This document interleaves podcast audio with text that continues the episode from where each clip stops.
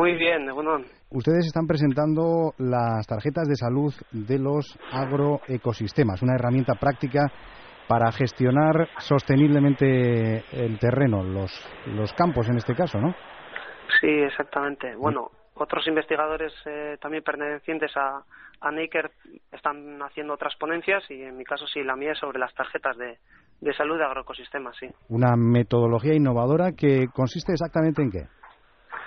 Bueno, eh, así para contarlo brevemente, las tarjetas de salud no son más que unos manuales, unos libritos de, de formato bolsillo para poder llevar a campo, para usarlos en campo, que explican brevemente y de manera muy sencilla, muy didáctica, cómo una persona cualquiera, sin necesidad de ser un experto en la materia, puede llevar a cabo una serie de medidas de salud del agroecosistema, es decir, medir una serie de parámetros que nos indican la salud de ese agroecosistema y al final con unos valores de referencia que nosotros facilitamos en el propio libro, pues puede ir comparando sus resultados con los valores esperables y así poder hacer un diagnóstico del estado de salud en que se encuentra, pues por ejemplo, su, su huerta o sus prados y haciendo eso año a año, pues puede ir viendo si la gestión que está llevando a cabo pues es eh, la correcta, es idónea o hay algo que tiene que cambiar porque está perdiendo salud. ¿Qué parámetros son los que se miden en esta tarjeta? Bueno, hay diferentes parámetros. Nosotros sobre todo hemos hecho énfasis en parámetros de tipo biológico que llamamos nosotros, es decir, nos fijamos en la actividad, en la abundancia y en la diversidad de los seres vivos de ese ecosistema y mirándoles a ellos, pues ellos nos dan información sobre lo saludable que es vivir en ese, pues como te decía, en ese prado, en esa huerta. Entonces lo que hacemos es medir parámetros tanto superficiales como subterráneos, es decir, parámetros de vegetación, pues nos fijamos en la diversidad de plantas que existen, en el color de sus hojas, que nos dan también información de su estado nutricional, y a nivel subterráneo, por ejemplo, pues eh, hacemos diferentes medidas, como por ejemplo la abundancia de lombrices, o ya unas medidas un poco más sofisticadas, como pueden ser pues la abundancia o la diversidad de microorganismos en el suelo, de hongos y, y de bacterias principalmente, que son las que hacen que el suelo funcione. Mm, son indicadores, por tanto, que nos eh, dan datos y pistas sobre la salud de eh, los agroecosistemas, es decir, de nuestros prados, de nuestros campos, que supongo que será una herramienta muy útil sobre todo para los baserritarras, ¿no? Sí, exactamente. Igual esta es la, mayor novedad de esta herramienta, ¿no? Que hasta ahora quizás la investigación, esto, este tipo de investigaciones, pues se hacían, a, se llevaban a cabo en centros de investigación, como puede ser Naker o algunos otros, pero muchas veces nos costaba luego llegar al sector, es decir, que, esta, los resultados de estas investigaciones al final fueran útiles a los profesionales, a los baserritarras, por ejemplo. Entonces, lo que hemos pretendido en este caso es que la herramienta, los parámetros que hay que medir, sean relativamente sencillos, eh, por eso damos unas instrucciones precisas de cómo se puede hacer para que cualquiera, como decía antes, lo pueda hacer con herramientas caseras, sin ningún tipo de herramienta sofisticada o cara o difícil de conseguir, pero que, que, se pueda hacer un diagnóstico fiable a la vez, es decir, que sea sencillo, pero no por eso pierda el necesario rigor científico.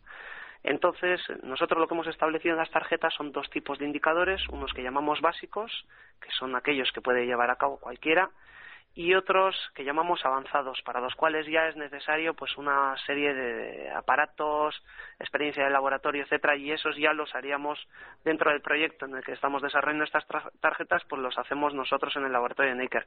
Pero ya te digo, hay muchos de esos parámetros que se pueden hacer en campo, simplemente siguiendo las instrucciones del manual, un manual además que estamos repartiendo de manera gratuita y, que está teniendo muy buena acogida por parte de los profesionales del sector.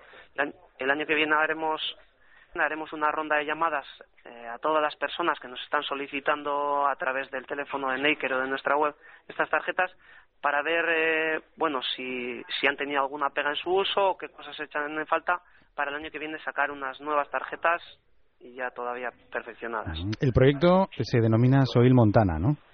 Sí, exactamente. ¿Dónde se está aplicando este proyecto Soil Montana? Bueno, este proyecto en concreto se desarrolla en la zona del Parque Natural de Gorbea y sus inmediaciones. Entonces, lo que estamos haciendo es aplicar estas tarjetas para valorar el impacto de una serie de actuaciones que se llevan a cabo de forma rutinaria en, esas zonas de, pastos, como son los, los encalados para corregir la acidez, los desbroces de matorral, los abonados, el control del helecho. Entonces, todas estas prácticas agrícolas que se realizan habitualmente nosotros las estamos probando llevar a cabo de dos maneras. Una que consideramos que puede tener un menor impacto sobre el medio y otra pues la que viene siendo convencional. Entonces lo que hacemos es aplicar estas tarjetas para ver el impacto que esas prácticas tienen sobre la salud de nuestros de nuestros pastos de la zona de, Gorbea como te digo. Entonces al final del proyecto con los resultados que con los resultados que hayamos ido obteniendo a, a través de las tarjetas podremos editar un catálogo de buenas prácticas, de recomendaciones, donde podamos eh, decir ya sin ningún tipo de duda, bueno, pues es conveniente eliminar los helechos de esta manera y no de esta otra, o es conveniente encalar de esta manera o de esta otra. Es decir, aconsejar un poco a los profesionales, a los que día a día manejan esos pastos, cuáles son las técnicas más sostenibles, tanto desde el punto de vista medioambiental como, como económico. Iker Mijangos, de Naker Tecnalia, le agradecemos mucho que, nos haya atendido en esta jornada en la que todavía continúa el, Congreso. Un saludo. Vale, es que También participa en este Congreso Iñaki Gonzalo, del Centro de Biodiversidad de, Euskadi un centro que se encuentra en Busturia y que queríamos conocer más en profundidad también en estos minutos de, radio en, lo que estamos, en los que estamos eh, hablando del Congreso Nacional de Biodiversidad. También en Euskal Herria nos interesamos muchísimo por, por este asunto. Eh, señor Gonzalo, ¿qué tal, Egunon? Hola, Egunon. Bueno, están en pleno, en pleno Congreso, por lo que puedo escuchar de fondo. Sí, sí, aquí estamos. Eh, bastante intenso el día, pero bien, a gusto. Bien, queríamos conocer el funcionamiento y el trabajo que realizan desde el Centro de Biodiversidad de Euskadi, en la Torre Madariaga. Eso es. Bueno, nosotros más que nada nos dedicamos a lo que es la divulgación de los valores de la biodiversidad, que es la biodiversidad, donde se encuentra en, el mundo, en, Euskadi también, y un poquito eh, para hacer eso pues nos valemos de diferentes eh, programas escolares, programas para familias, eh, para el público en general y como te digo el objetivo principal es ese, es divulgar los valores de la biodiversidad para que la gente pues pueda conocerlo mejor. En este congreso se van a centrar eh, en concreto en la apicultura, la biodiversidad y la polinización biótica.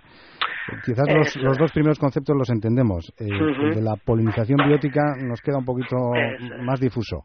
Bueno, pues es un concepto muy muy simple. La polinización, como todos sabemos, eh, bueno, como mucha gente sabe, es el, el trasvase de polen eh, que se hace de la parte masculina de la planta a la parte femenina para que eh, se generen semillas y nuevos individuos de plantas. Entonces es un proceso esencial en la naturaleza. Y para que haya biodiversidad, pues la polinización es un, es un proceso esencial. no hace falta que que lo que lo pues es, es muy esencial. Entonces eh, lo que tenemos es por una parte hay una manera de polinizar que es mediante mediante vectores que no son vivos es decir por ejemplo el viento o el agua pero también tenemos eh, otro tipo de vectores que son los animales. Eh, esos son los, en ese aspecto es lo que nosotros hicimos es decir la polinización biótica la que hacen los animales eh, véase pájaros, eh, véase murciélagos también, pero generalmente lo más importante eh, en nuestras latitudes son los insectos. Involuntariamente. No, en ese caso eh, hay una hay numerosos estudios hechos en ese aspecto en los cuales eh, hay una interacción muy muy intensa entre la planta y su polinizador. Es decir, hay una evolución, una coevolución ha habido durante miles de años en las cuales las plantas han desarrollado diferentes estrategias para atraer ¿eh? a sus polinizadores para así luego pues eh, valerse de esos animales para que eh, germinen al, a la semilla y hagan, digamos, nuevos individuos. Bien, pues el paradigma del polinizador, del insecto polinizador puede ser la abeja. Pero no sé si Eso es, sí. Hoy en día está pasando muy malos momentos, ¿no?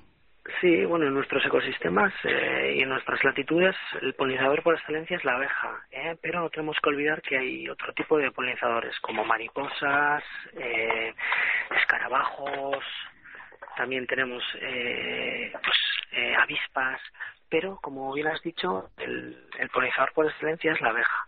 Entonces, pues sí, eh, llevamos ya unos cuantos años en los cuales pues eh, estamos oyendo noticias sobre desaparición de colmenas, eh, hay un síndrome que se le llama síndrome de colapso de las colmenas, entonces pues eh, parece ser que, que hay una problemática y pues se está en ello, se está abordando y parece ser que poco a poco pues eh, estamos intentando pues mejorar este este tema. Desde el Centro de Biodiversidad de, Euskadi también se interesan, supongo que por, por este, este aspecto. Y en la vertiente didáctica, eh, ¿qué es lo que ofrecen?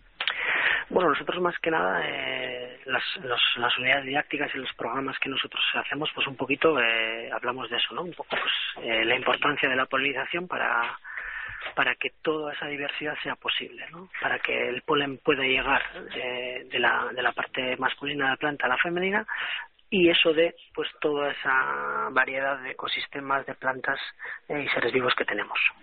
a los niños les interesa la ciencia y la biodiversidad. Pues sí, generalmente eh, tenemos un buen equipamiento, un equipo humano muy bueno, entonces pues generalmente eh, la gente se va muy contenta de allí. Eh, también ustedes tienen exposiciones, ¿no? Sí, bueno, ahí hay una parte, digamos, tenemos lo que es la parte, eh, la exposición permanente sobre biodiversidad en general. ahí se habla un poco de qué es la biodiversidad, en qué partes del mundo la podemos encontrar, y luego ya nos vamos acercando un poquito más al País Vasco y en concreto a, la reserva de la biosfera de Urdaibai y luego ya pues tenemos eh, temporalmente se suelen hacer exposiciones eh, temporales sobre diferentes temas todos ellos relacionados con la biodiversidad mm.